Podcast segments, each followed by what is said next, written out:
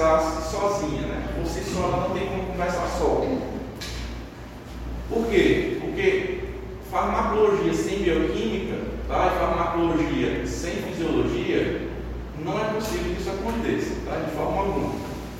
Tem até um ditado que diz o seguinte: a farmacologia sem a bioquímica é manca e sem a fisiologia ela é séria. Não tem como saber farmacologia se não souber principalmente bioquímica e fisiologia. Obviamente você começa a entrar nesses dois eixos aqui. O que, que tem a ver farmacologia com isso tudo? Na bioquímica, tá? A gente tem aqui, ó, no ramo da química, a química farmacêutica, a biologia e microbiologia interagindo com a farmacologia. Mas por si só, isso aqui não teria aplicação se nós não tivéssemos também a parte da medicina. Por quê?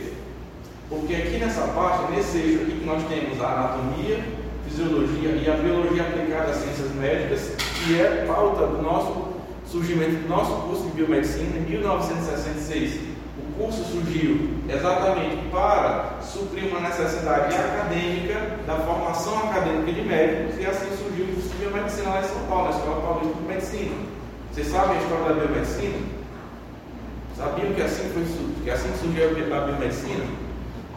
Os médicos estavam se formando tá? na Escola Paulista de Medicina, no estado de São Paulo, e aí ficou uma lacuna na formação desses é, acadêmicos de medicina, os novos acadêmicos de medicina, no que diz respeito à formação de base, certo? Porém, existia ali um forte indício e número de pesquisadores que saíam da Escola Paulista de Medicina, que pesquisavam é, tudo que havia de mais moderno para a a década de 60, e por conta disso, absorver esses profissionais para dentro da academia tornaria ainda mais forte a formação do médico. Por conta disso, já foi um esboço que era a formação do curso de biomedicina. E em 1966, o primeiro curso de biomedicina no Brasil foi formado com esse intuito, não apenas esse intuito, mas um dos principais motivos de ter sido esse gatilho para a formação do curso de biomedicina foi suprir uma demanda acadêmica e que o biomédico tem total é, respaldo para poder é, acompanhar basicamente todos os, todas as disciplinas dos cursos da, da saúde, certo?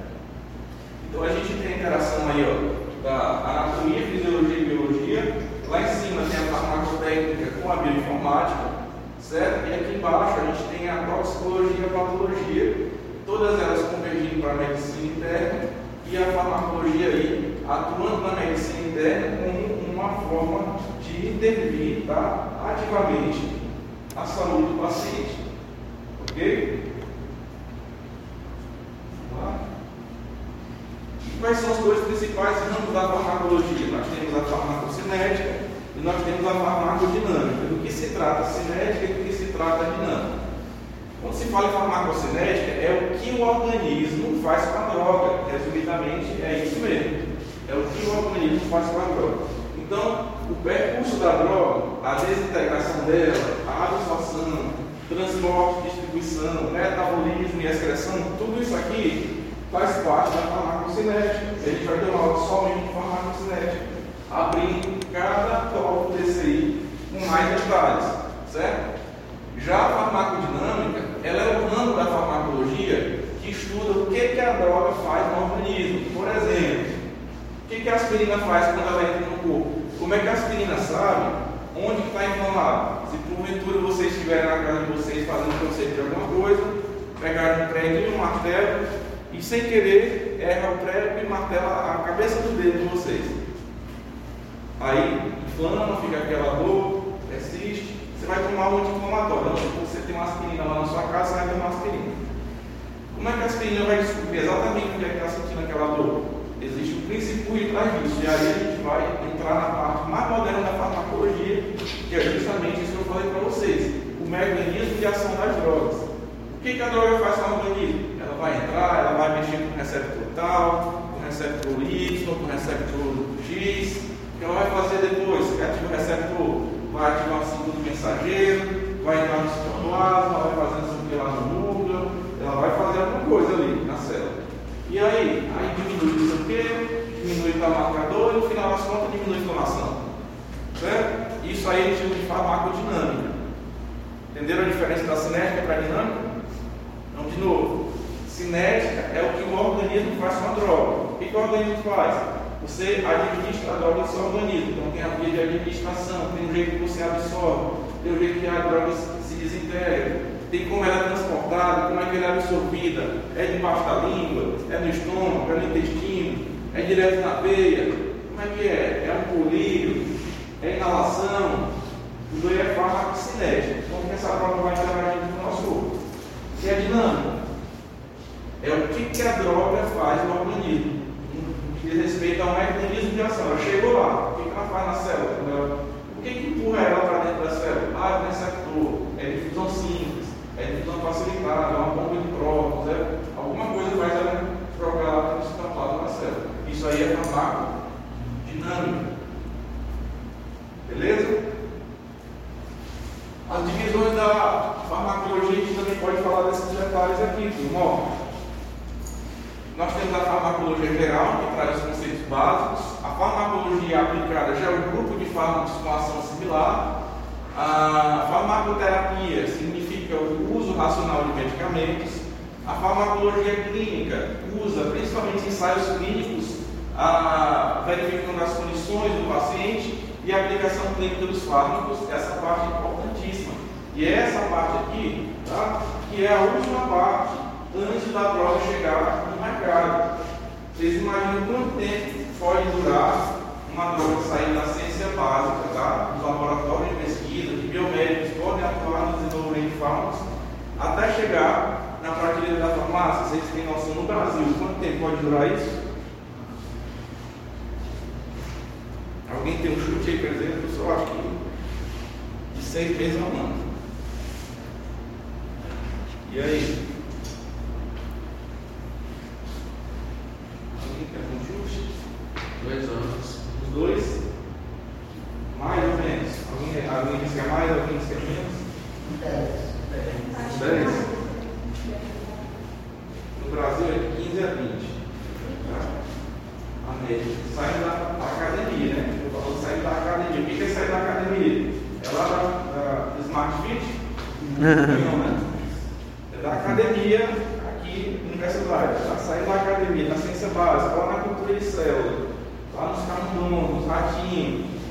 Está vendo mecanismo indo para fazer na patente, aproximando da indústria da universidade. Essa conversa pode durar aí 15 a 20 anos. Professor, mas eu já ouvi falar que medicamento X já foi colocado no mercado por 5 anos de estudo e tal, tal. É muito difícil, mesmo fora do Brasil. Tá? Tem órgãos reguladores que não são a Anvisa fora do Brasil. Por exemplo, nos Estados Unidos nós temos a FDA, que é a mesma, vamos dizer, a mesma função da Anvisa para a gente que a FDA tem lá nos Estados Unidos. Um órgão regulador na Europa, basicamente todos os países da União Europeia dependem do aval desse órgão para poder liberar o uso de medicamentos, de cosméticos, de uh, produtos naturais, etc. Tá? No Japão, por exemplo, lá na África, tem outros órgãos reguladores para isso, mas todos são extremamente rigorosos e não permitem é, lançar no mercado algo que você tenha dúvidas sobre a eficácia, principalmente a eficácia, e também noções é, avançadas sobre a toxicidade daquele medicamento. E mesmo com todo rigor, ainda assim acontece de vez em quando a suspensão do uso de algum produto ou de algum medicamento. A gente pode usar o exemplo da talidomida. Alguém já ouviu falar desse medicamento? Talidomida? Talidomida era um potente, era, ainda é um potente anti-inflamatório, aquela aí alguns fatores importantes do processo inflamatório. Porém, ela começou a ser utilizada em larga escala, como se fosse assim um medicamento que você está inflamado, alguma coisa, uma dor de garganta, você chega na farmácia e comprar a talidomida. Só que o problema da talidomida é que ela é extremamente teratogênica. Muitos bebês nasciam com problemas é, e distúrbios relacionados à formação dos membros superiores e inferiores, certo? Então, qual foi o, a grande lição da talidomida para o mundo? Que além da brochura, a brochura é o documento que se apresenta ao órgão regulador, além da brochura deve, deve, deve conter a eficácia, a melhor dose, o tempo de uso, a posologia, etc. Tudo isso também tinha que incluir teste de toxicidade aguda, toxicidade em roedores, não roedores. Além disso, tinha que incluir toxicidade reprodutiva. Certo? Ou seja, além disso, tinha que fazer teste de camundongo, tá? em roedores e não roedores. Geralmente, os não roedores, para teste de toxicidade, eles utilizam cachorro. Tá? Professor, é muito cachorro, eles usam assim 100, 200, 300 cachorros, não, é um grupo bem pequeno, entrega esses medicamentos para os animais e vai verificar como que ele responde à, toxicidade, como que ele responde a, por exemplo, um camundongo, uma camundonguinha que está grávida, tá? Se ela usar esse medicamento, como é que vai nascer os filhotes? Isso já é utilizado na brochura para você entregar, por exemplo, a Anvisa, pensando num medicamento que pode ser lançado aí no futuro nas farmácias, tá? Então a fase clínica, ela avalia isso aí. Tem vários testes na clínica que avaliam tanto a eficácia do medicamento, como a biodisponibilidade, certo? E assim vai. O que mais que tem aí? Farmacocinética, que a gente falou agora há pouco, que é a ação do organismo sobre o fármaco, e a farmacodinâmica, que é o mecanismo de ação dos fármacos. Beleza? O que mais que tem aqui? Ó? Tem a farmacotécnica, isso aí é exclusivo dos nossos colegas farmacêuticos, por quê? Porque lá eles têm informação durante a graduação deles, enquanto eles é, perdem um pouco na, na intensidade, na qualidade da formação enquanto patologistas clínicos, o que a gente tem de muito bom, eles dedicam também é, uma parte da formação deles para a farmacotécnica, certo? O que é farmacotécnica? É o preparo da incompatibilidades farmacêuticas. Você vai ver, por exemplo, você tem uma excelente, uma excelente molécula, vamos supor que para eu vou exemplo para vocês. Ali na agora de biotecnologia, tem um grupo que trabalha com alcaloide que é tirado de carbono tá? mas esse alcaloide não é a pilocarpina que eu estou falando. A pilocarpina é o principal alcaloide tirado da folha de carbono e a pilocarpina é usada para diversas finalidades. Tá? As principais finalidades são para a redução da pressão intraocular, ou seja, o paciente que tem glaucoma, esse paciente ele é um forte candidato a usar pilocarpina através dos colírios, tá? contendo pilocarpina. Mas também o paciente que tem xerostomia, que é a famosa boca seca, derivada aí de algumas possibilidades, dentre elas quimioterapia, enfim, podem gerar um quadro de mucosite oral, tá? um ressecamento da mucosa oral, da mucosa bucal, eles usam pilocarpina para estimular a salivação, certo? Mas a pilocarpina, tanto a pilocarpina como os outros alcaloides que são estudados aqui no campus, tá? O segundo mais abundante é um alcaloide chamado de epiisopiloturina. E esses alcaloides, tanto a pilocarpina quanto a epiisopiloturina, são extremamente é, difíceis de serem solubilizados em meio aquoso, pela natureza dos alcaloides, né, que são bases, e bases que têm uma certa é, dificuldade de, de, de, sofrer o princípio da solvatação. Você lembra da química o que a solvatação é? Onde é que ocorre a solvatação? Agora puxar da química. Geral. Onde é que tem solvatação?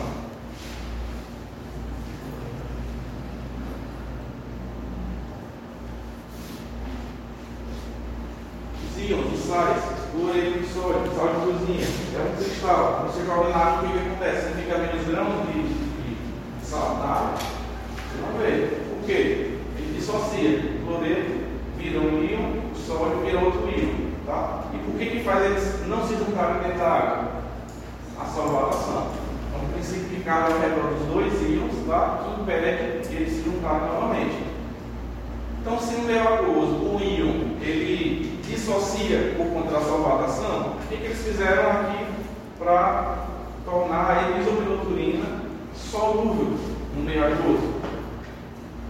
Eles transformaram ela no sal. Então, por isso vocês vão ver medicamento chamado de cloridrato de não sei o quê. Esse cloridrato é a transformação daquela molécula no sal daquela molécula. Tá? Eu estudei a isopiloturina no mestrado e era esse o grande problema. Era horrível solubilizar ela em meio aquosa, salina ou em água ionizada, deionizada. Então o que, que eu fazia? eu utilizava a epizocloturina contendo cloreto, então chamava de cloridrato de epizocloturina. Quando colocava no meia só bastava pingar na salina ou na água que ela sumia. Por quê? Porque ela dissociava o cloro, tá? E virava o íon, era só batado, quando ele virava o íon, ficava livre a carga da epizocloturina. Então, por que, isso acontece? É química, tá? Então, por isso que os farmacêuticos eles têm aí uma formação de química muito importante. Porque quando eles encontram um problema como esse, eles tentam encontrar uma solução para que esse problema não seja mais um problema. Certo? Isso é importante. Muitos acadêmicos de medicina ou de biomedicina, quando vão entrar na pesquisa, têm uma deficiência muito grande com relação à parte química, quando querem estudar qualquer área que seja. Estou falando farmacologia por conta da nossa disciplina. Mas imuno, tá? bioquímica, parasita, todas essas, essas áreas, se você tiver noção de química, você consegue resolver problemas que porventura podem inviabilizar a pesquisa de vocês. Ter noção de química é muito importante. Outra área, farmacognosia. O que é isso? É o estudo de matérias-primas naturais. Isso aí é muito forte nas, nas, é, nos programas de pós-graduação, especialmente no nosso Nordeste. Tá? Tem um programa na Paraíba que é de farmacologia de produtos naturais, muito forte um grupo muito bom. O professor Quintana Júnior, ele tem aí um, um, um, grupo já bem estabelecido, aí, pelo menos uma ou duas décadas, entre duas, uma ou duas décadas de funcionamento, e que publicam artigos de excelente qualidade, tá? porque trabalhar com produto natural, cada vez que a ciência vai avançando, vai exigindo um grau de qualidade maior. O que se publicava no início dos anos 2000 sobre produto natural tentar reproduzir aquilo que era publicado no início dos anos 2000 como um produto natural relativamente novo recém-achado, não, não publique em revista boa. Por quê? Porque a gente, com, com, a, com o avanço da ciência, as coisas ficam mais, naturalmente mais exigentes. Então, essas revistas que são revistas boas, que são bastante lidas, elas vão subindo o sarrafo delas no que diz respeito à qualidade daquilo que vai ser publicado. Por quê? Se você tem muita novidade, Tá? É, e essas revistas elas têm um impacto, causa ali a atração da indústria, é, da mídia, etc. Tudo aquilo faz com que aquela revista ali tenha ali um respaldo para publicar as melhores coisas que estão sendo pesquisadas em produtos naturais. E assim a gente tem a farmacognosia como uma área tá, desse estudo de matérias-primas naturais. Pode ser que seja um produto é, extraído cheio de componentes, mas também pode ser uma molécula extraída de um produto natural. Nunca imaginar o seguinte, é, vamos dar um exemplo aqui. Alguém já ouviu falar que o óleo de copaíba é bom para inflamação? Será se isso é verdade? Será se isso é mentira? Será se é um curanderismo? Será se é, é psicológico? O que vocês acham? Hã? Vocês acham que é verdade? Possivelmente, já está melhorando a resposta. Por que possivelmente? Você conhece alguém que já usou e melhorou? Você já usou?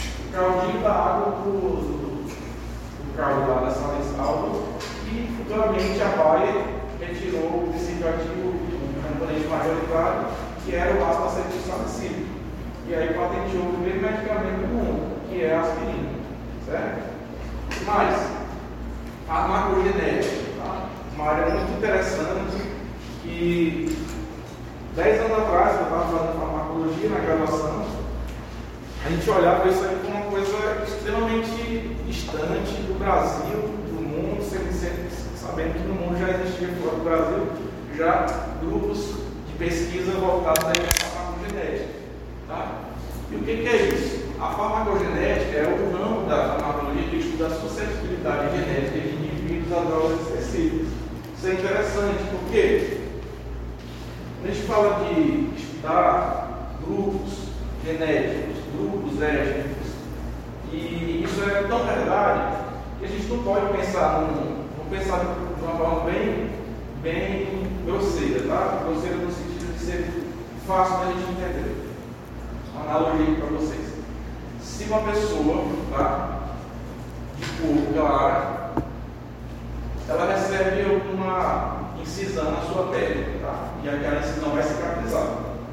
Vai cicatrizar e dificilmente aquela incisão vai formar uma coisa chamada de queloide.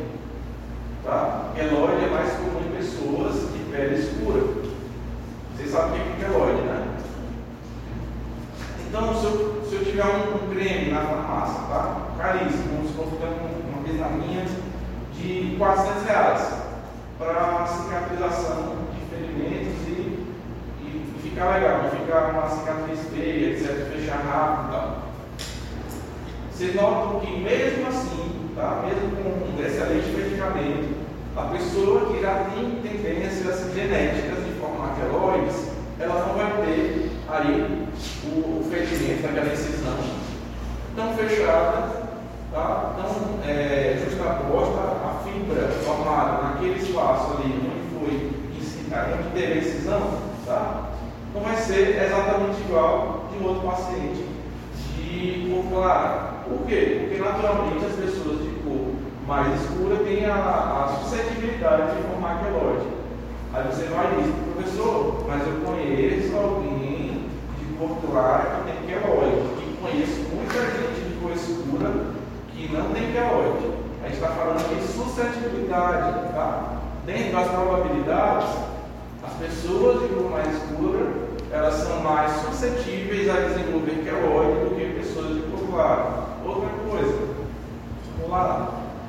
Pessoas orientais e pessoas é, de hábitos ocidentais, tá? No que diz respeito aí ao câncer gástrico, por exemplo, tá? Pessoas é, de origem oriental tem mais suscetibilidade a desenvolver tumores na mucosa gástrica. Tá? Parece que é mais sensível ao surgimento de tumor do que pessoas, por exemplo, americanas mesmo você tendo um excelente quimioterápica para câncer gástrico, aquelas pessoas ali são mais suscetíveis, provavelmente vão ser mais acometidas pelo tumor. E o medicamento vai fazer esse efeito. Então significa o quê? Nós temos um ramo da farmacologia que estuda essa suscetibilidade e também quais são os melhores fármacos e as melhores doses daquele fármaco para aquele grupo de pessoas. Então está chegando um momento, tá? Que vai ser tão específico que às vezes o próprio paciente vai fazer um teste tá, se ele está com alguma doença. É, obviamente, nós não estamos falando de doenças que são facilmente tratadas com medicamentos convencionais, né? inflamação, uma dor, uma gastrite, um refluxo, é, uma artrite. Nós estamos falando de alguma doença mais é, severa, tá? com risco de morte mais elevado. Nesse caso, geralmente o paciente vai fazer um teste genético vai ver qual que é a, a melhor resposta genética dele, qual a classe de medicamento melhor responde com aquele perfil genético daquele paciente. É como se fosse, abre aspas, um antibiograma em que você faz, coleta do paciente o sangue, por exemplo, o paciente está com sepsis. Você coleta o sangue dele, leva para a máquina para fazer tudo para saber quais são as bactérias que estão ali circulando. Descobriu quais são? Vai fazer o antibiograma, quais são os melhores antibióticos que vão atacar aquelas bactérias. E você vai lá e, faz assertivamente o antibiótico correto para aquele paciente. Você vai fazer um teste genético, tá? vai saber qual é a sua carga genética e qual é a classe de medicamento que mais se adequa à sua, ao seu perfil genético. Isso é a farmacogenética. Cada vez mais avançando, tentando fazer com que o paciente com síndromes ou doenças mais severas e raras tenha a possibilidade de ser mais assertivo no, tra no tratamento deles. Tá? E a toxicologia, o que ela aparece aqui? Porque embora ela é, não seja a mesma coisa de farmacologia, ela é um ramo, um braço da farmacologia que pode ser definida como estudo de efeito adverso dos fármacos. Só que não é somente isso. É isso no que diz respeito aos fármacos. Existem outras moléculas que são xenobióticos. Tá? O que é um xenobiótico? O que é um xenobiótico? esses conceitos. O xenobiótico pode ser um fármaco, pode ser um alimento. É aquilo que a gente coloca estranho para dentro da gente. Certo? É, existem outros xenobióticos, tá? não só de uso terapêutico, de uso nutricional. Você pode usar, por exemplo, é, cachaça. Cachaça é um xenobiótico. É, tem valor nutricional? Não tem. Tem valor terapêutico? Alguém pode dizer depende, né? Mas não tem. não tem. Então é um, é um xenobiótico, só que não fala. Tá? Então ele entraria também na, na toxicologia porque ele causa efeito tóxico no sistema nervoso central, nosso, na nossa mucosa do TGI, certo? na nossa função hepática. Tudo isso envolvendo o estudo de uma molécula que não é um fármaco, mas está dentro da toxicologia também. Porém, na farmacologia, a toxicologia entra como estudo de efeito adverso dos fármacos. Beleza? Objetivo da terapia medicamentosa. Resumindo, prevenir, curar, controlar estados patológicos são eles os três principais é, objetivos de uma terapia medicamentosa. Você pode prevenir doenças, curar doenças ou então controlar estados patológicos. Eu poderia usar esse, esse terceiro tópico aí e falar mitigação, tá? Você vai mitigar o problema daquele paciente tem sentido. Para que o objetivo do uso do medicamento seja alcançado, doses adequadas do fármaco devem alcançar os tecidos alvos de modo a serem atingidos níveis terapêuticos e além de terapêutico tem que ser não tóxico. Aí vamos entrar na polêmica sobre as terapias que foram propostas aí durante a pandemia. Ivermectina, hidroxicloroquina, azitromicina, tá? nitazoxanida, que é a anita, né, antiparasitária. Por que, que eles não tiveram Teve muita polêmica em cima deles, tá? Por que eles não tivessem um efeito de barrar a pandemia? A pandemia não precisa barrar por eles.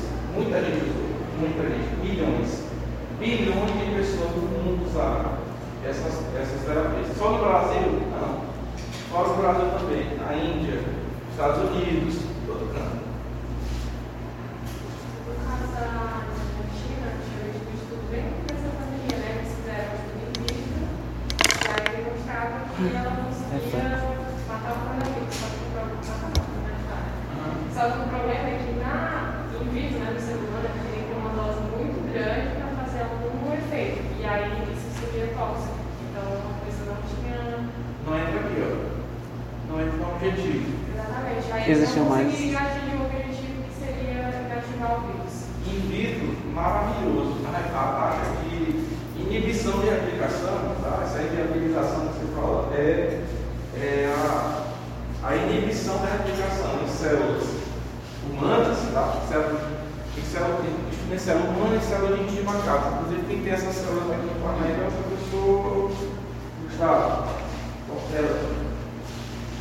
É, por quê? Porque no- na cultura de célula, vocês devem concordar comigo que na cultura de célula a gente não tem ali indivíduo, paciente, né? A gente não tem um- uma corrente sanguínea passando, a gente não tem uma via de administração, um fígado para metabolizar, a gente não tem um, um paciente que tem hipertensão, que tem diabetes, que é idoso, que é, que é jovem, que é criança. Você não tem uma expressão significativa de enzimas importantes que podem ser protetoras ou que podem ser ausentes, e sendo ausentes, deixam o indivíduo mais suscetível à doença.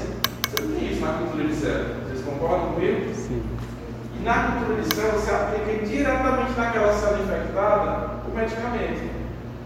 Na célula pulmonar, lá na alvéola pulmonar, nos capilares perialveolares, você não tem a certeza o medicamento que você vai ingerir, tá? colocar um comprimido na sua boca, engolir, vai passar da boca para o esôfago, do esôfago para o estômago, do estômago para o do intestino vem a porta, vem a porta para o fígado, do fígado metaboliza, vai pela casa, vem a cabra inferior, entra no coração, do coração vai para o tronco pulmonar, o tronco pulmonar vem pulmonar, chega no pulmão, até chegar lá, vocês acham que a quantidade que você colocou na boca é a mesma quantidade para chegar lá na célula infectada do pulmão? Não. é.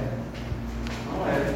E para que fosse, a ideia é que a dose de ivermectina fosse 20 vezes mais. Só que 3 vezes mais a dose terapêutica de ivermectina já é tóxica nas 24 horas do indivíduo. Isso fez. Pode falar. Seguindo essa lógica, qualquer medicamento com uma dose assim, muito, muito extrapolada conseguiria matar, né? Assim, tipo.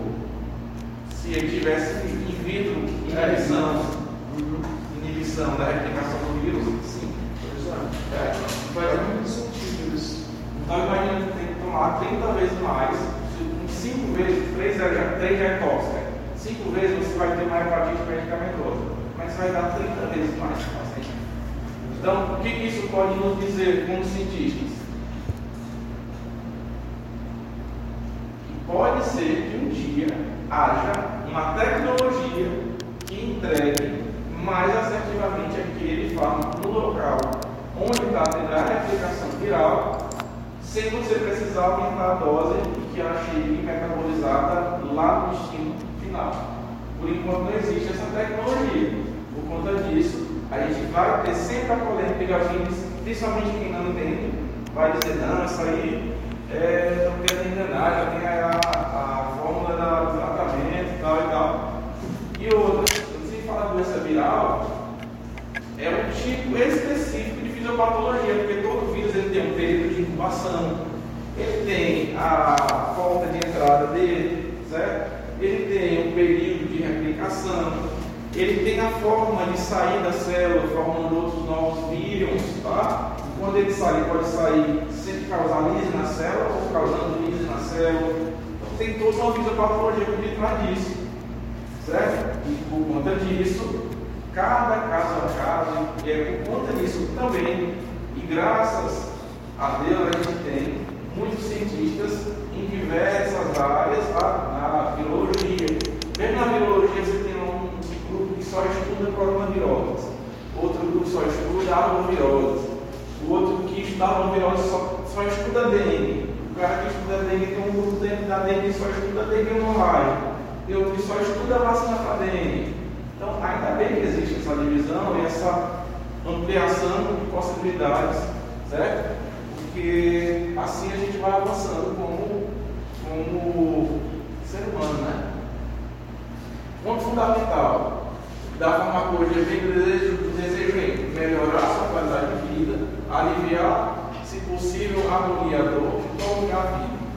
Tá? E aí sempre, antigamente, quando você tinha noção realmente do, do uso terapêutico de moléculas, as pessoas tinham geralmente uma desconfiança muito grande porque andavam pelas ruas, lá na Europa, principalmente onde é, onde é relatado em documentos, lá em Romanos, pessoas que andavam nas ruas com a bolsa, a mochila cheia de, cheia de é, remédios, de terapias que podiam ser milagrosas, e aí elas curavam, tinha o lance do sábio, eles andavam muito com uma, espada, e no, no pomo aqui da, da espada já eles tinham o elixir da vida, né? E esse elixir da vida era dado para as pessoas ali, eu vendi por um preço muito mais caro. Então ele fazia uma espécie de é, atuação teatral é, e depois usavam esses elixir da vida para poder vender e ganhar dinheiro ao longo da sua jornada nas cidades. Certo? Qual que é o objetivo da terapêutica? De acordo com o Katsum, que é um dos autores da farmacologia que a gente vai estudar e pode, vocês podem ler essa literatura do Katsum sem problema nenhum. Mas eu recomendo que vocês comecem a estudar farmacologia pelo nome dele, tá? Mas Katsum disse que o objetivo da terapêutica é obter um efeito benéfico desejado com o mínimo de efeitos adversos. Ou seja, esses conceitos começam a se modernizar. Eles sabem que vai ter efeitos adversos, mas qual que é o ideal? cada vez vocês, aqui os, os farmacologistas, encontrem um efeito benéfico o mínimo de efeito adverso para aquelas moléculas, certo? No entanto, as medidas terapêuticas adotadas nem sempre logram o resultado desejado. Muitas vezes só alcançam o alívio ou o consolo do paciente. Então, nem sempre a gente vai ter a forma ou a fórmula de trazer a cura ao paciente. Muitas vezes você vai fazer com que ele sofra menos através daquela molécula que tem efeito de ser analgésica, sedativa, tá? mas nem sempre vai lograr esse êxito de ser algo que vai curar o paciente. Certo? Por exemplo, até hoje a gente sabe que o paciente soro positivo para HIV, ele tem um coquetel de medicamentos que pode prolongar bastante a vida dele. Por enquanto a gente não tem ainda uma forma de cura. A farmacologia aparece de forma? Antigamente não tinha nem isso, tá? Assistindo um termo de assistir uma série, também assistindo uma série, é chamada Os Dias Eram Assim, que acontece na década de 60, 70, 80 e 90. Tá? Essa série mostra é, o cenário do Brasil e na década de 80, quando a série já vai avançando aí para o último texto, texto final, é, aborda de uma forma bem é, fácil de compreender porque quando chegou tá, a AIDS, tá, a HIV soro positivo no Brasil, aquilo ali era, era uma. Era, aquilo era um cenário de decreto de, decreto de morte. Eu não tinha, gente, não tinha a, a terapia, o coquetel, não tinha a profilaxia, não tinha, não se sabia nem quase nada sobre a doença. E aí a série aborda muito bem exatamente essa ausência da terapia, o que causava de impacto quem recebia o diagnóstico do soro positivo. E aí se via na situação de não ter o que fazer, esperar a hora de morrer, porque não tinha terapia. Hoje, o paciente soro positivo ele tem que prolongar a vida aí por duas, três décadas aí, se fizer direitinho o tratamento. Do ponto de vista histórico, existem relatos muito antigos sobre o uso de drogas no tratamento de enfermidades. A farmacologia, como ciência experimental, ela baseia-se na reação de droga ao organismo. Até por volta de 1920, predominou o uso de produtos naturais, principalmente originados de plantas. Isso aqui tá? é chamado de fitoterapia. Até hoje, nós estamos aqui falando de 100 anos depois, Daqui de 20, nós estamos falando de 100 anos depois. Até hoje, muitas pessoas fazem uso de, de fitoterapia e às vezes a gente faz sem nem perceber que faz. Alguém alguma vez já esteve enjoado, com problema no fígado, de ressaca e tomou um chá de bolo. Você faz nem se dá conta que ainda sempre depois ainda faz isso. Uhum. Você conhece alguma droga vendida no mercado, advinda de planta, alguém pode dizer? Extrato de própolis, não. Extrato de própolis, mas não vem da planta, né? Não vem da planta. Qual é? Jingle biloba, eu acho. Ginkgo biloba, não? Calmante, valeriana. O que mais? O extrato de própolis é uma fique. E aí? Alguém mais? Algum exemplo? Medicamento que vocês sabem que veio de planta? Qual? Maracujina bem. Passiflora. Vem da folha de maracujá. Mais outro? Aspirina. Aspirina vem da sal e salva. Salgueiro. Certo? Da casca do salgueiro. Obviamente hoje ela é toda sintética, mas a ideia ela veio da molécula tirada da, do salgueiro. Vamos lá? Então o que a gente tem aqui? Ó? Droga, o organismo, temos o efeito benéfico e temos o efeito prejudicial. Esse efeito prejudicial é o que a gente chama de tóxico, tá? Toxicologia. Já o efeito benéfico você pode ter aqui, ó, efeitos de nutrientes, mas também você pode ter os fármacos, tá? De que forma? Quando a gente fala de droga, ou remédio, medicamento, a gente vai ver daqui a pouco a diferença deles. Traz efeito benéfico ao organismo pode ser através de nutrientes, tipo, coloca dentro da classe de droga, e que nutrientes podem ser esses? Vitaminas, tá? Complexos vitamínicos são benéficos. Se você tiver um déficit de vitamina C, provavelmente você vai ter sangramento na gengiva. Por quê? Por que, que a deficiência de vitamina C pode levar a um sangramento gengival?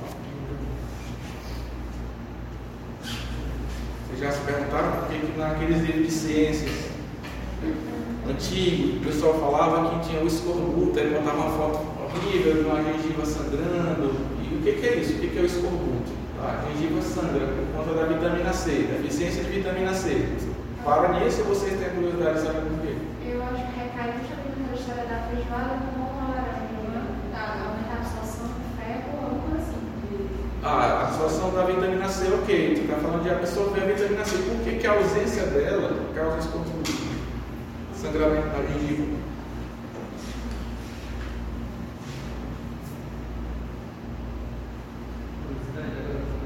Hã?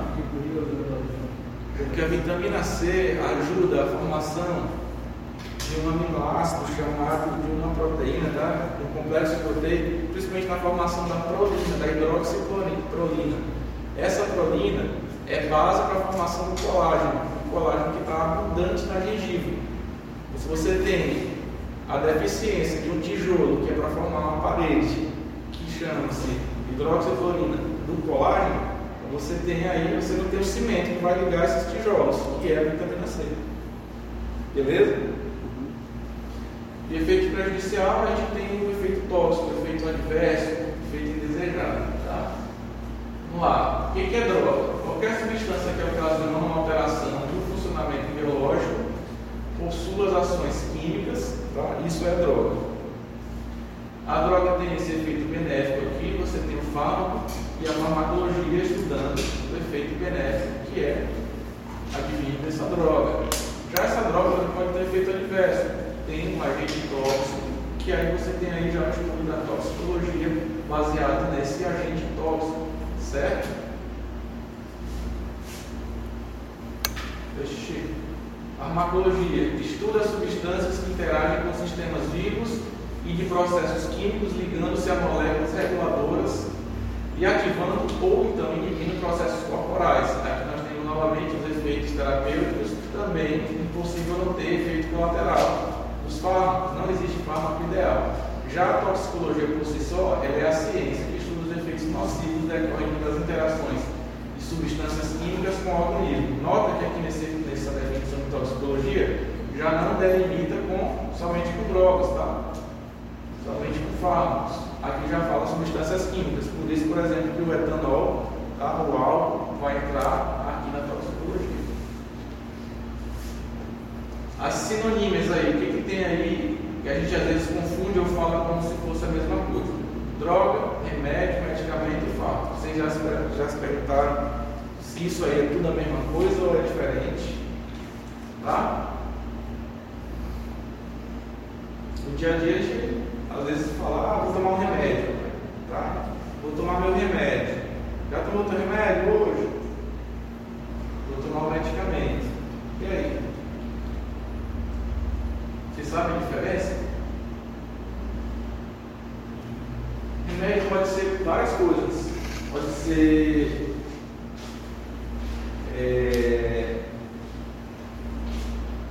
ir para a praia, domingo manhã, pode ser um remédio. Tá? Fazer uma coisa que você gosta, ah, a pessoa adora cozinhar. Cozinhar pode ser um remédio. A pessoa adora dormir, também pode ser um remédio. Gosto de ler, pessoas isso me deixa realizado. Pode ser um remédio. Tá? Não obrigatoriamente um remédio, mas tem que ser fármaco, um comprimido, uma solução líquida, um xarope. A droga, tá? a droga, ela é a tecnologia final. É aquele comprimidinho, é aquela solução que vai ter recipiente, que vai ter uma quantidade de outras substâncias que não apenas sejam o seu princípio ativo. Já o fármaco, ele é o princípio ativo que você vai referir naquele medicamento. Por exemplo, é, tá? é a droga. Qual é o princípio ativo do cataflã? Hã? Diclofenaco. E aí, o diclofenaco é seu fármaco. E o medicamento? O que é o medicamento?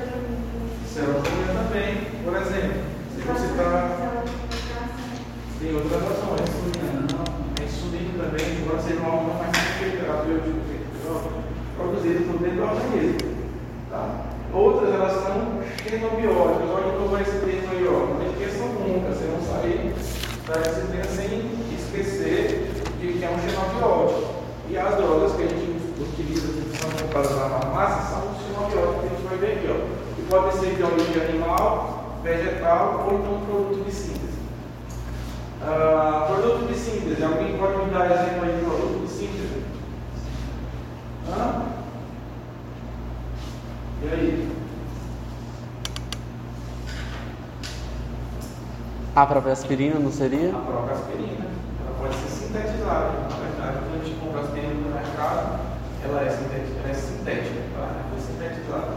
Não foi tirada da casa pelo somente. De origem vegetal. Xenobiótico de origem vegetal. qualquer alimento, fruta não seria, no caso? Porque o xenobiótico pode ser um alimento. Depende. Mas que tivesse algum fim terapêutico, por Exatamente. exemplo. Aí, no a caso, folha. que tem fim terapêutico, a gente chama hoje na farmacologia de nutracêutico. E ao Entendi. mesmo tempo que ele nutre, por ter seus nutrientes, ele tem efeito terapêutico. Por exemplo, o gengibre que tem na literatura sobre os possíveis efeitos para refluxo. Sim. O que mais? De origem vegetal. Não sei. Deixa eu pensar. O fitoterápico. Hã? O fitoterápico, Me dá exemplo. exemplo. a aspirina original. Aspirina original. Maracujina. Exatamente. Certo? E a origem animal? Certo? Eu, bem respondo vocês. A origem animal. Os negócios tipo soros de. Exatamente. Aham, Os os soros. são exemplo de origem animal. Bom, muito bom esse exemplo. Outro exemplo de origem animal que hoje não é mais utilizado, mas um dia foi bastante, é a insulina. Que era tirada de quê antigamente? Porcos e gados, né? Bovinos e suínos. Inclusive, vocês sabiam que tem uma banda de, cientistas, formada por cientistas? Sim. Quem, quem, o sabia. Quem aqui não sabia? Além do Edson, alguém mais sabia dessa banda, da existência da banda? É uma música nossa que fala sobre a origem da insulina, tá? Um trecho lá. E aí, quem tiver curiosidade de procurar, tem no YouTube, tem no Spotify, essa música. O nome dela é Consciência, só consciência não de, da consciência mental, mas separado, com espaço, ciência. Vocês procuram depois aí para ouvir a história da insulina, tá? Porque quem fez a troca da insulina, bovina insulina, para que ela fosse utilizada de forma eh, mais próxima do ser humano, foi um brasileiro. Tá? Na década de 60, 70, Marcos dos Mares Guia, ele utilizou uma técnica que hoje é muito, muito comum e muito utilizada para diversos fins, que é chamada de proteína recombinante. A proteína recombinante ela é feita geralmente utilizando uma bactéria. Tá? Você abre o DNA da bactéria. Como é que é o DNA da bactéria? Circular. Circular. Tá? E aí ele abre esse DNA com um tipo de helicase, um tipo de enzima que corta, certo? insere tá? um gene específico. Vamos supor que eu tenho um gene que codifica a insulina humana. O que tem nesse gene? Tem a receita que vai passar para o RNA mensageiro e esse RNA mensageiro do citoplasma da bactéria vai fazer isso em humanos. Então o que, que ele fez? Ele abriu o, o cromossomo lá da- das bactérias, tá? abriu o DNA da bactéria, colocou o gene que codificava a insulina humana e a bactéria, duas viraram 4, 4 viraram 16, 16 viraram sei das quantas, ele começou a produzir em larga escala, sem ter que matar um pouquinho e esperar ele crescer, esperar o boi crescer, tirar pâncreas, não sei o que, purificar, não precisava. O que ele fez fazer tudo isso em bactéria. E numa sala tipo, tamanho dessa, mais ou menos, era uma usina de formação de insulina, enquanto ele tinha que plantar hectares, hectares de pasto para ter boi, para ter pouquinho, tirar pâncreas e fazer insulina. Então, a proteína recombinante fez a, a revolução do que a gente usa de insulina hoje. Qual era o problema da insulina, é, bovina e insulina? Qual era o problema? Alergia.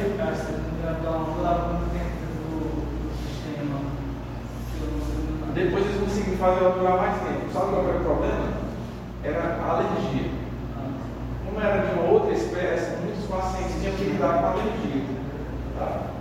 E aí passou a não ter mais esse problema de alergia. Por quê? Porque a insulina era codificada com o gene da insulina humana, sem alterações da cadeia proteica e que não, não era considerado um pouco estranho para quem injetava.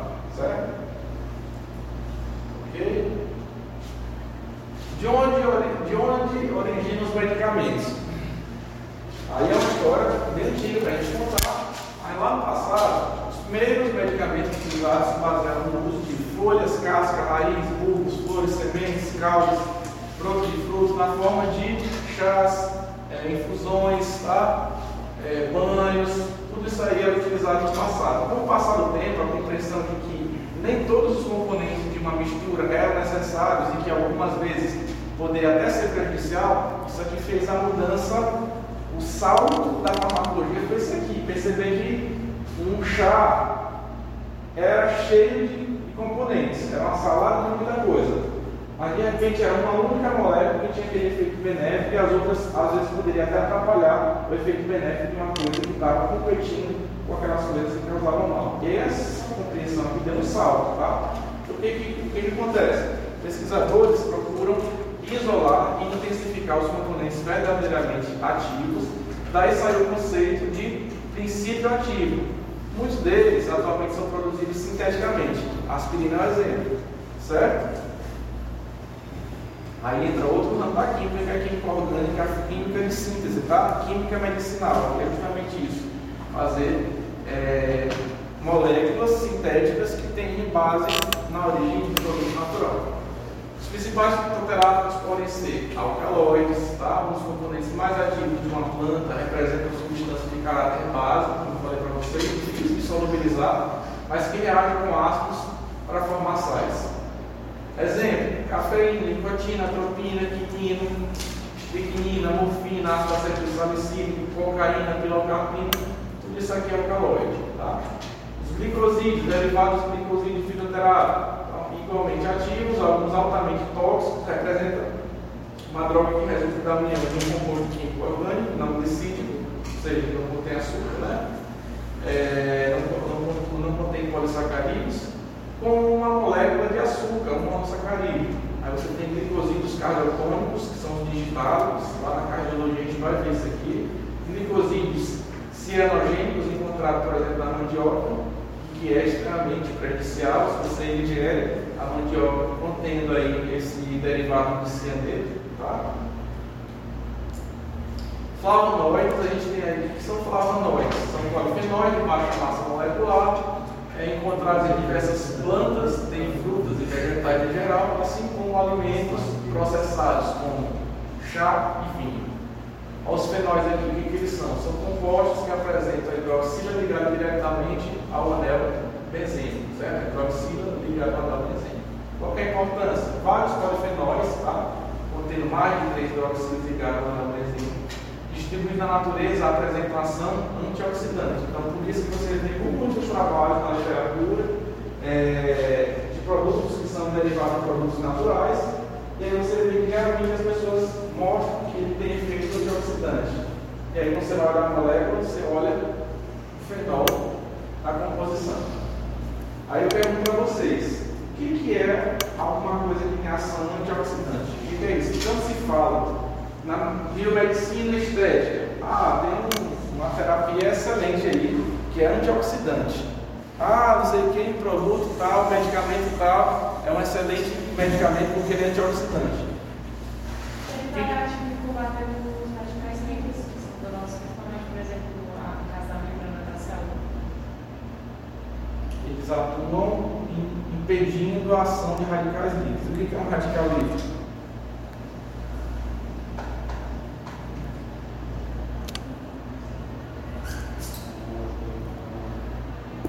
E aí?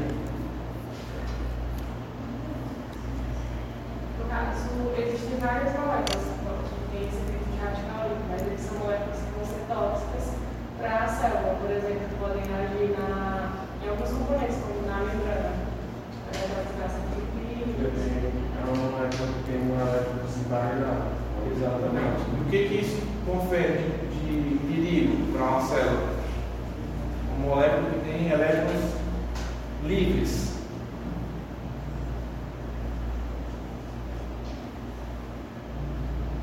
Química básica. Pode significar outras moléculas. Ele fica altamente reativo. Ele precisa estabilizar. Ele tem dois elétrons, dois, três, um elétron livre. Ele vai procurar alguma coisa para ele estabilizar, porque ele está instável. E geralmente eles procuram o que tem mais de fora da célula. O que, que tem do lado de fora da célula? A membrana.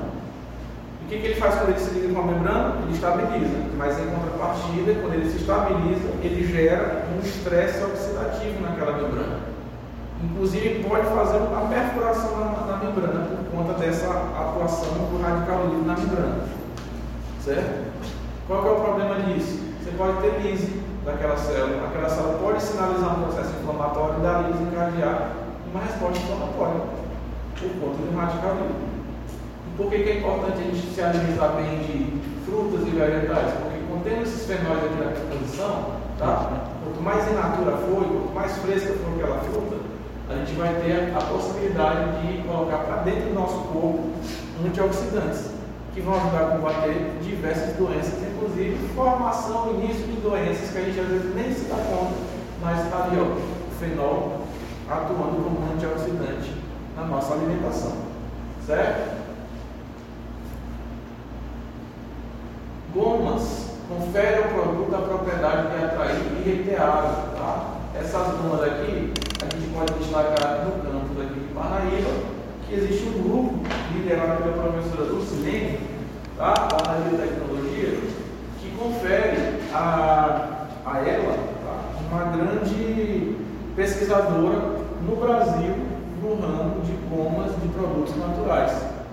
Sabiam que tinha a professora Lucilene tão importante no estudo de gomas de produto natural no Brasil? Aqui em Parnaíba?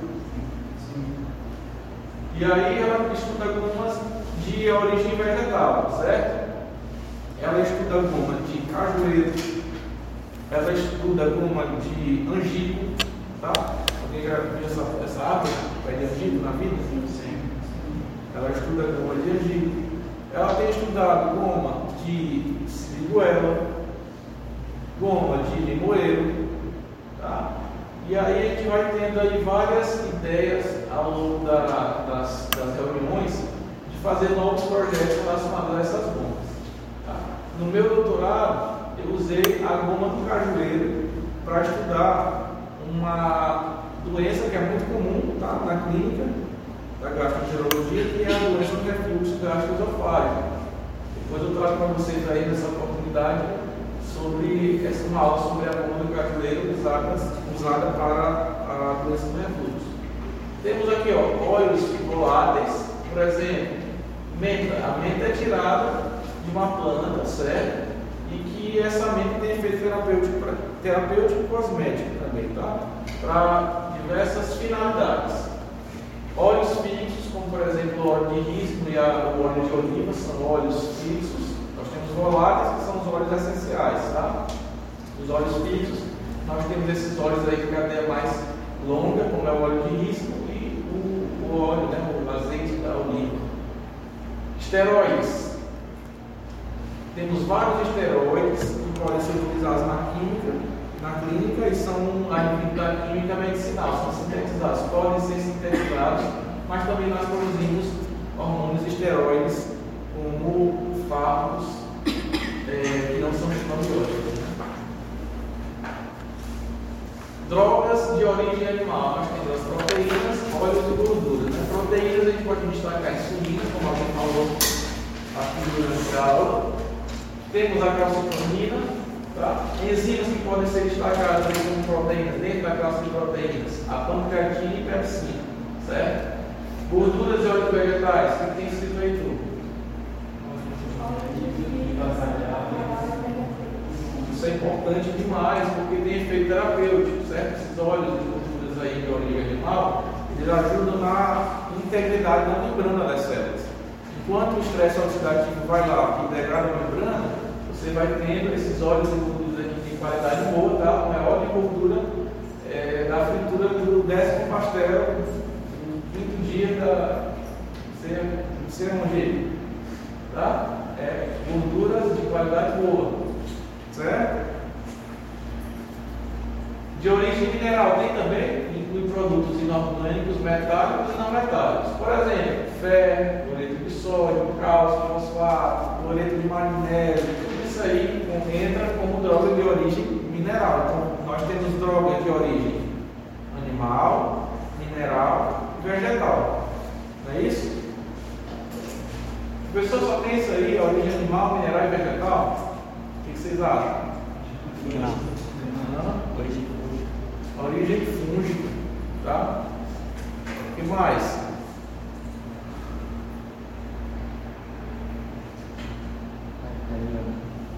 Bacteriana. Bacteriana.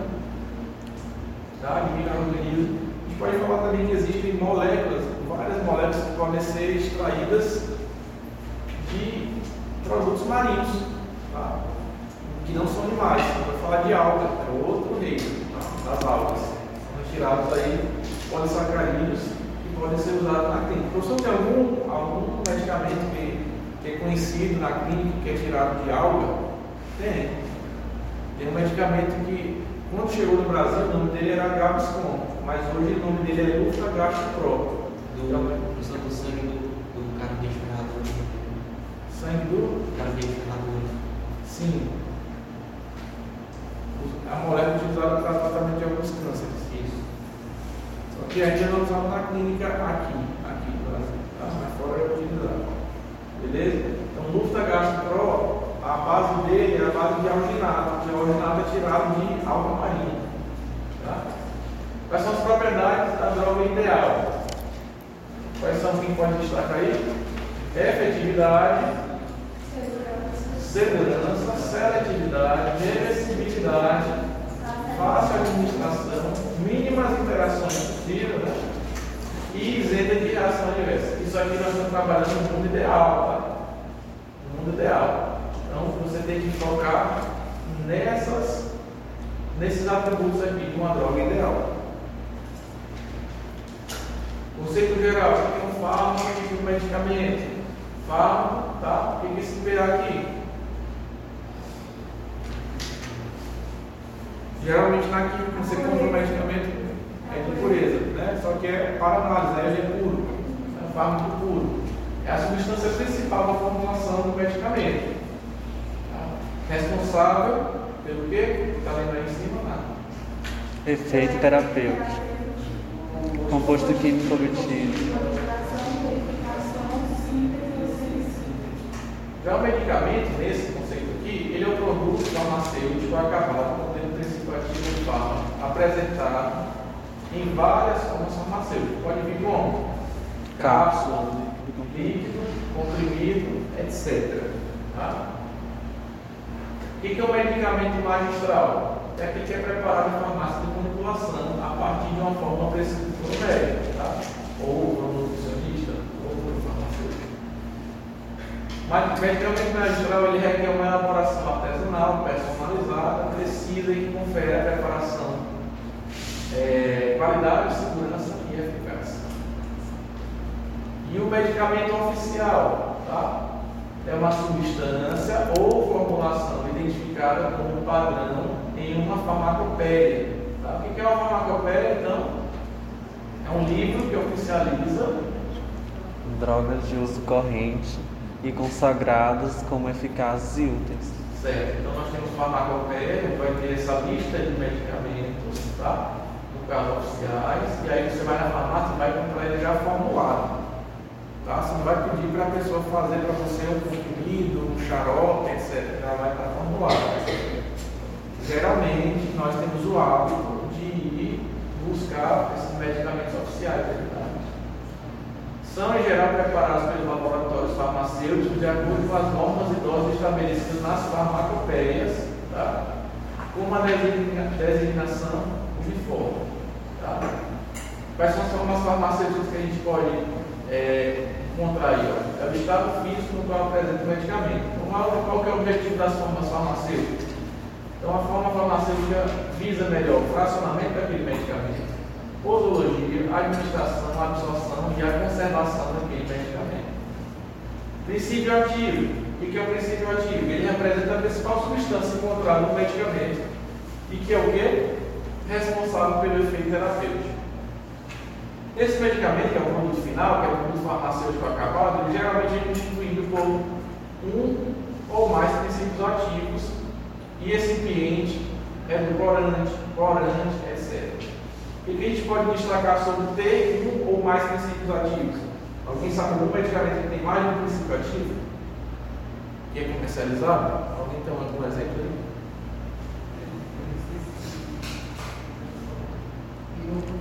Qual é? Ibuprofeno não, ele só vem no princípio ativo de ibuprofeno. Ibuprofeno é anti-inflamatório. Benetrip. que vai tentar sanar vários sintomas, né? Não, Tipo, tem três princípios ativos do Benegripe. Quais um são? comprimido, tá? É um analgésico, um paracetamol, tem um antialérgico, um descongestionante, tá? E Uhum. outro que pode aumentar a- o, fluxo do muco que é depositado nos seios nasais, tá? Tem três princípios ativos. Cimegrip, Benegrip, todos esses análogos aí tem geralmente dois ou três princípios ativos na, na composição. Certo? Tem outros também, exemplos aí que a gente poderia destacar. Alguns, alguns antibióticos são combinados, princípios combinados, certo? No único comprimido que você toma em tá? O medicamento é comercializado de diferentes formas farmacêuticas. Ele pode vir comprimido, pode vir em xarope, tá? O anti-inflamatório, por exemplo, ele pode vir em spray, pode vir em pomada, pode vir em comprimido, certo? Componentes de uma forma farmacêutica, de forma farmacêutica, tá? Nós temos a forma farmacêutica que é igual à base, mais o recipiente e o veículo, tá? O recipiente ele, ele é sólido, o veículo ele é líquido, tá? E a base é o princípio ativo, certo? Quem está escrito aqui, coadjuvante, né? Aqui. Sim. E- Isso é o coadjuvante. A base diz respeito a isso aqui. O que tem que ser aqui? Preservativo. E aí ele vai ter a forma, a função terapêutica. Isso é isso? Os coadjuvantes ele vai ter função técnica e terapêutica às vezes, que vai reforçar a função terapêutica do princípio ativo. Por que, que é terapêutico? Porque na composição aquele recipiente pode facilitar, por exemplo, a absorção daquele princípio ativo. Então ele vai reforçar a função terapêutica dele. Certo? Aqui a função dos coadjuvantes aqui, tá? Do veículo, exemplo, dos recipientes. Estabilizar, ser corretivo, dar forma, cor, sabor. O que é uma propriedade organoléptica? O que é propriedade organoléptica de alguma coisa?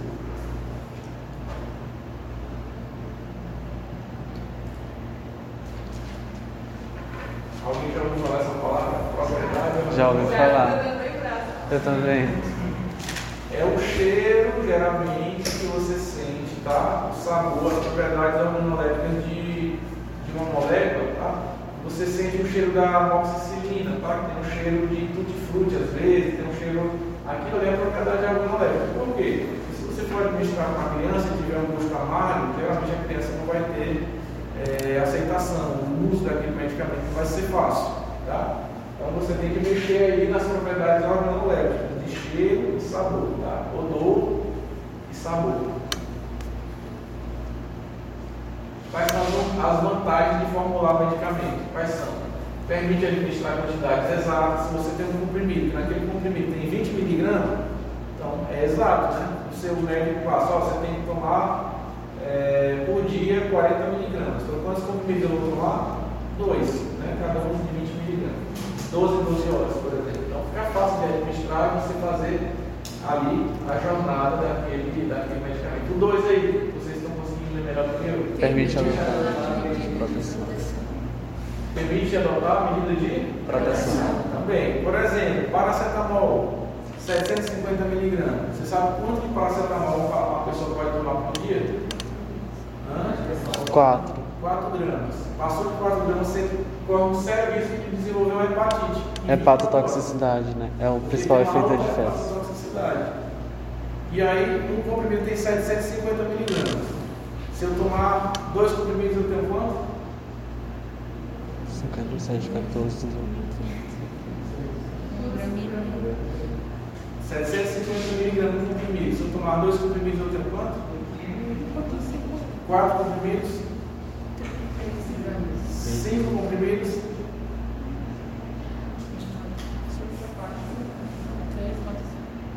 Quatro? 750. É isso? É isso? Não. Três mais 750. Quatro e? Não chega a quatro Não. Ainda não chegou. Seis comprimidos. Passou. Às vezes o paciente pensa, então vou tomar um, vou tomar dois para passar essa febre. Vou tomar mais dois, tudo mesmo dia. De noite mais dois, passou. 24 horas. Então veja o que é importante. Permite o quê? Mascarar o odor e sabor, criança não gosta de nada amargo, gosta de coisa docinha, gosta de tutti-frutti e tal. Certo? Facilita a produção. Porque quando você tem vantagem em formular, você facilita a forma de produzir. Você começa a fazer aquilo que você produzido em larga escala. Certo? Facilita também a administração. Paciente está com um problema, por exemplo, na garganta, você vai administrar uma coisa pela via oral que tem uma, é, uma boa adesividade à orofaringe daquele paciente. Isso é bom, porque você vai formular algo que gruda lá na orofaringe do paciente. Permite ajustar o tempo de ação. Isso é importante, porque quando você vai recomendar aquele medicamento para o paciente, você vai dizer, ó, você vai tomar um regime de 8 em 8 horas, de 12 em 12 horas, de 6 em 6 horas. E aí vai ficar mais fácil, né? Ajustar o tempo da ação. Quanto ao estado físico, eles podem ser sólidos, fluidos pastosos, pode ser também gasoso e volátil. Sólido, ah, tem muitas formas de sólidos que a gente pode destacar aqui. Pós, comprimidos, que em cima dele. Dragas. O que são dragas? Pergunta para você responder para a próxima aula. Diferença de comprimido para draga. Anota aí. Pastilhas, pílulas, granulados, peles, ovos, supositórios. Tá? Os fluidos, nós temos aí formações, formulações aquosas, oleosas, e embaixo tem o quê? Embaixo de oleosas tem o quê? Suspensão, emulsão, xarope e elixir. Os pastosos, a gente pode destacar creme pomada, mais tem embaixo? Funguentos e cataplasmas. Os gasosos involáveis também são administrados, tá? Inalação, inalatória. Ok? Ok. Anotem isso aí, essas formulações e procurem a diferença, mas principalmente o comprimido quadrático. O restante você também dá uma, uma pesquisada para ver o que é a diferença de que não é emulsão com xarope, o que não é elixir. Vejam a diferença dessas formulações aí. Pode passar? Pode. Quantidade a ser administrada. Aí você vai falar de dose e posologia. A dose vai representar a quantidade do medicamento no local de ação, tá? Necessária para que produzir o efeito desejado. E a posologia, o que, que é? Ela descreve a quantidade do medicamento que se deve ser administrado de uma só vez ou então de modo relacionado no intervalo de tempo determinado. Geralmente é por, por dia, né? Toma de 8 a 8 horas, toma duas vezes por dia. Tudo isso aí diz respeito à posologia que a gente encontra lá na bula do medicamento. Tá? Então chegar em casa vocês, lá no almoço, puxa a bula do medicamento lá e ver como é que a posologia é, é explicada. Tá? Sobre a especialidade farmacêutica, você tem é, os medicamentos, tá? de forma conhecida, eles têm ação comprovada, com uma única forma estável, eles são comercializados, com especialidade farmacêutica e que recebem o quê? Um nome de marca ou nome fantasia. Porque às vezes o, aluno chega e professor, eu estou tomando, o-" aí diz o nome, nome fantasia. O que, que é bom, é ruim? Eu, eu não sei, cara. Eu não, eu não consigo memorizar nome fantasia porque é muito diclofenaco, por exemplo. Tem, a, tem o catafran, tem o. Não sei nem o nome do outro, mas tem vários medicamentos que o princípio ativo é o, é o diclofenaco. Então a pessoa chega, eu estou aqui com o, o, o Flanax. Mas, mas o que seria o nome de fantasia? Diclofenaco é o nome do princípio ativo do medicamento. Catafran é o nome fantasia. Ah, Entendeu? É o nome que você bota para a marca vender. sim. Pro, ali é o nome fantasia do medicamento. Quem que é o princípio ativo? O alginato. Entendeu? Alginato sólido. Então, saber. Olha, Por exemplo, aqui, ó, de referência, tá? Esse medicamento de referência aqui, o nome, o nome fantasia dele é Antac. O princípio ativo dele é a ranitidina e a posologia para cada comprimidinho desse aí é 15 miligramas. Esse aqui é o similar. O nome dele é Zilium. O que, que tem lá dentro? Ranitidina, 15 miligramas. Aqui, o genérico, já aparece o nome só, ranitidina. Tá? Você vê que aí nós temos aí três medicamentos iguais com nome fantasia diferente, no caso desses dois com fantasia.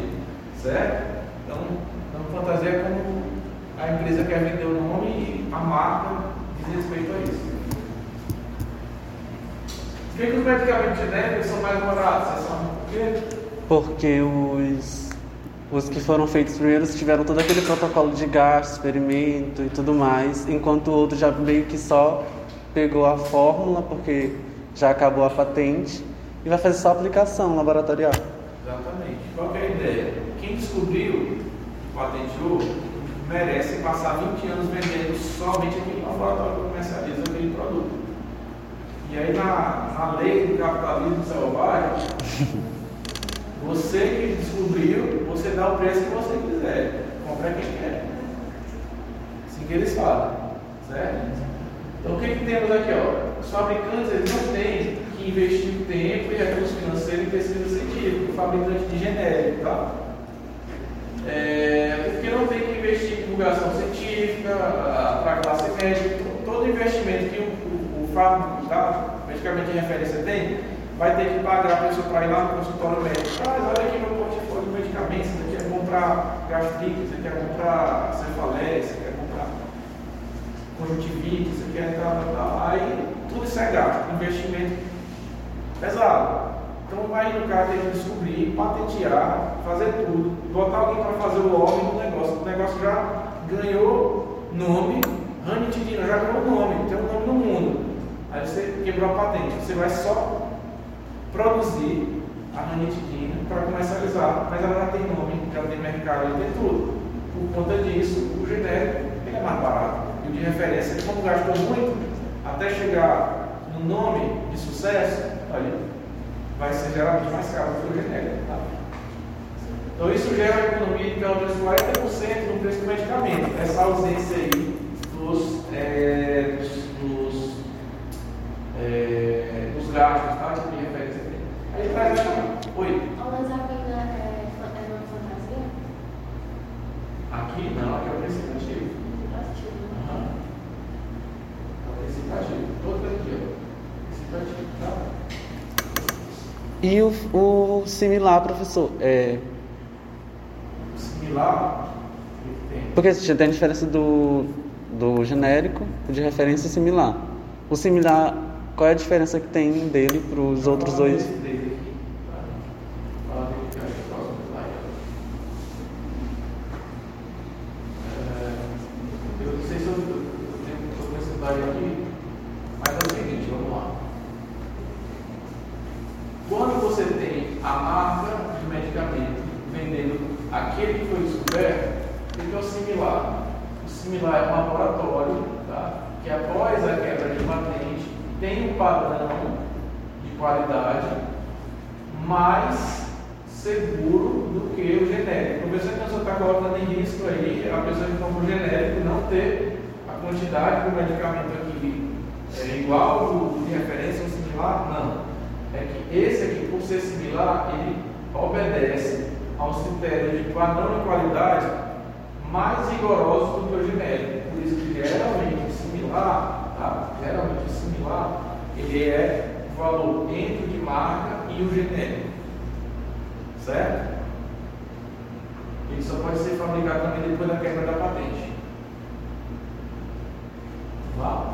Uso geral de medicamentos. Você tem reposição de medicamentos, que é o que? Fornecimento de elementos é, carentes ao organismo. Por exemplo, vitamina, sal mineral, proteína, hormônio, aquilo tudo que a gente falou lá na, na slide anterior. O medicamento pode ser usado para fins profiláticos, prevenção de doença ou de infecção. No caso do coquetel do HIV, para alguém que, que, que teve é, em relação sexual com alguém sem proteção, sem conhecimento, etc. E, chega lá no postinho contando exatamente essa história, ele pode fazer o uso profilático tá? do coquetel durante algum tempo para ser profilático e não ser infectado ou reduzir ao máximo a possibilidade de ser infectado pelo vírus HIV, certo? Profilaxia que ficou muito difundida ao longo da pandemia, usar ivermectina em dose de 3 gramas toda semana, tal, tal, tal, como se aquilo ali fosse conferir é, uma medida profilática, especialmente foi difundida aí para profissionais de saúde, tá? Porém, essa com ivermectina não foi comprovada. tratamento de infecções, antibióticos, tratamento de câncer, quimioterápicos, bloqueio temporário na função normal, a gente tem o uso de anestésico geral, local e com anticoncepcional. Correção de função orgânica desregulada, os cardiotônicos utilizados para insuficiência cardíaca congestiva, é, hidrocortisonais, insuficiência suprarrenal, insulina, diabetes, tudo isso aí corrigindo a função orgânica que foi desregulada. Agentes auxiliares em diagnósticos, radiofármacos, utilizados aí no contraste, tá? por exemplo, contraste de bário, é, feito aí em diagnóstico de imagem, certo? Uhum. Nomenclatura dos medicamentos. Você vai ter o nome químico, que é o nome científico que escreve com precisão a estrutura anatômica e molecular do fármaco, tá? Por exemplo, você tem aqui a estrutura daquilo que é o ácido, 2, étano, vocês conseguem ver? Mesmo. Benzoico, né? Etanoato benzoico. Nome genérico disso aqui tudo é o nome pelo qual esse código ele é conhecido. Ele é o ácido acetil. E é o nome comercial, que é o nome fantasia. Tá? Você tem a escolha da indústria, a indústria posta o nome. Tá? O nome que geralmente tem a ver com marketing, né? Então, nem sempre, né? Por exemplo, aspirina, não sei por que que até hoje eu não tenho aspirina, mas porque deve ser alguma coisa alemã. AS, aspirina, tá? Buferin, melhoral, tudo isso aqui tem aspirina na composição. Classe farmacológica, você fala de beta, bloqueadores, IEGAS, né, que são inibidores da enzima conversora da angiotensina, anti-inflamatórios, não esteroidais, anti-inflamatórios hormonais. Classe terapêutica, antiarrítico, antihipertensivo, antiulceroso, tudo entra como classe terapêutica.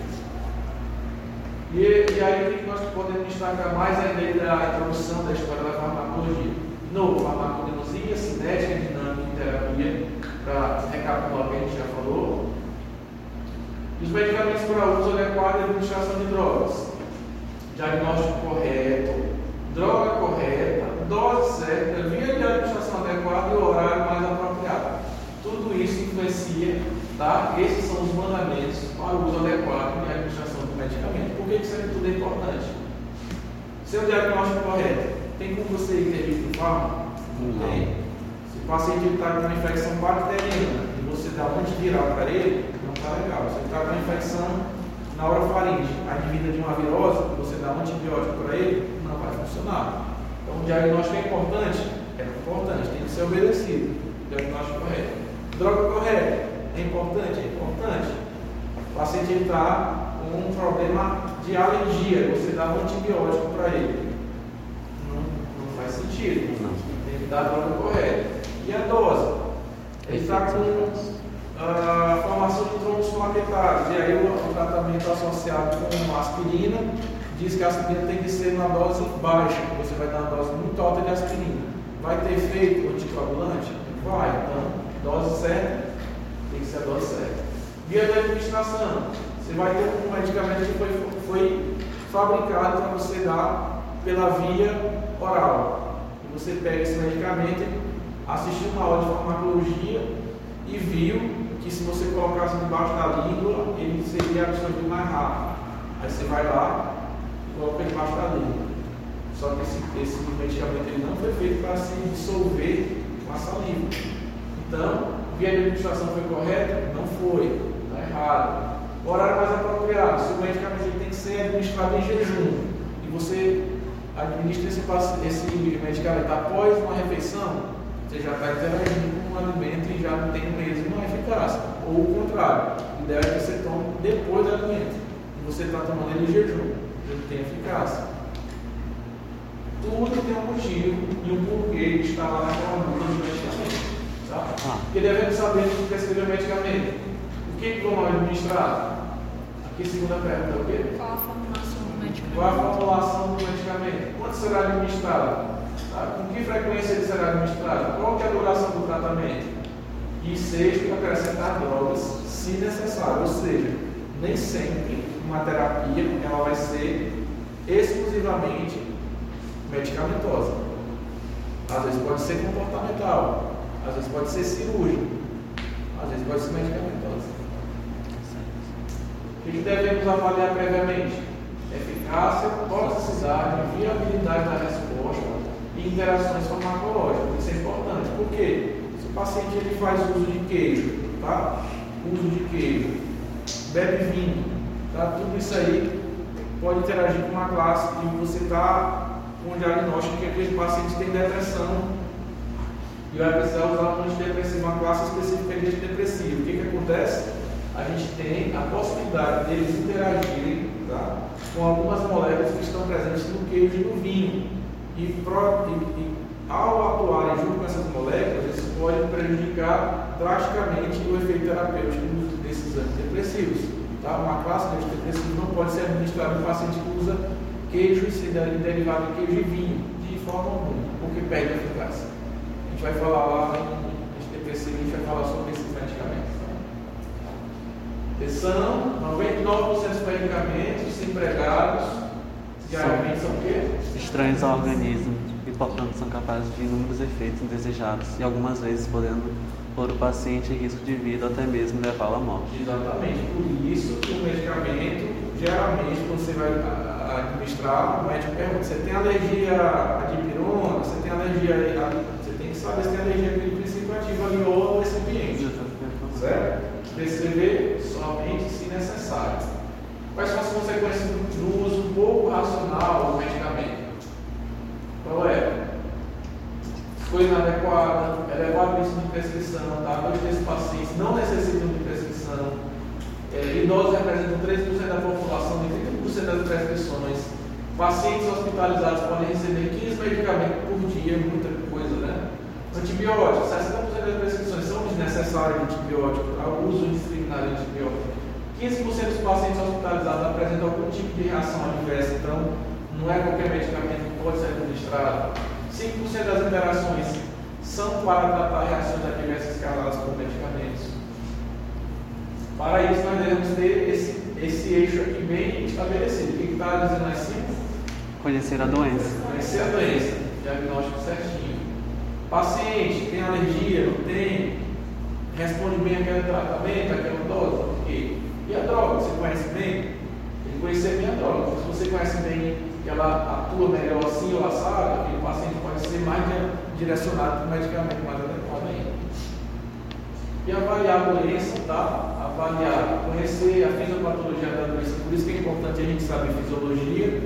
E sabendo fisiologia, você consegue entender tá? que aquele medicamento é mais adequado para aquilo, estabelecer essa terapêutica, ela o quê? pretendida será de curta ou longa duração. Exatamente, seu tratamento vai ser curto, vai ser longo. Finalmente, estabelecer a terapêutica, essa terapêutica é, instituída visa o quê? O controle do sintoma, o controle da doença ou a cura do paciente, certo? Então, sobre a droga, conhecer o quê? Mecanismo de ação, estabelecer a posologia, avaliar as fontes de variabilidade da farmacocinética dinâmica e avaliar os efeitos obtidos, tanto os efeitos benéficos como os efeitos adversos para aquele paciente. Já conhecendo o paciente, você tem adesão ao tratamento, se ela vai ser mais é, eficaz ou menos eficaz.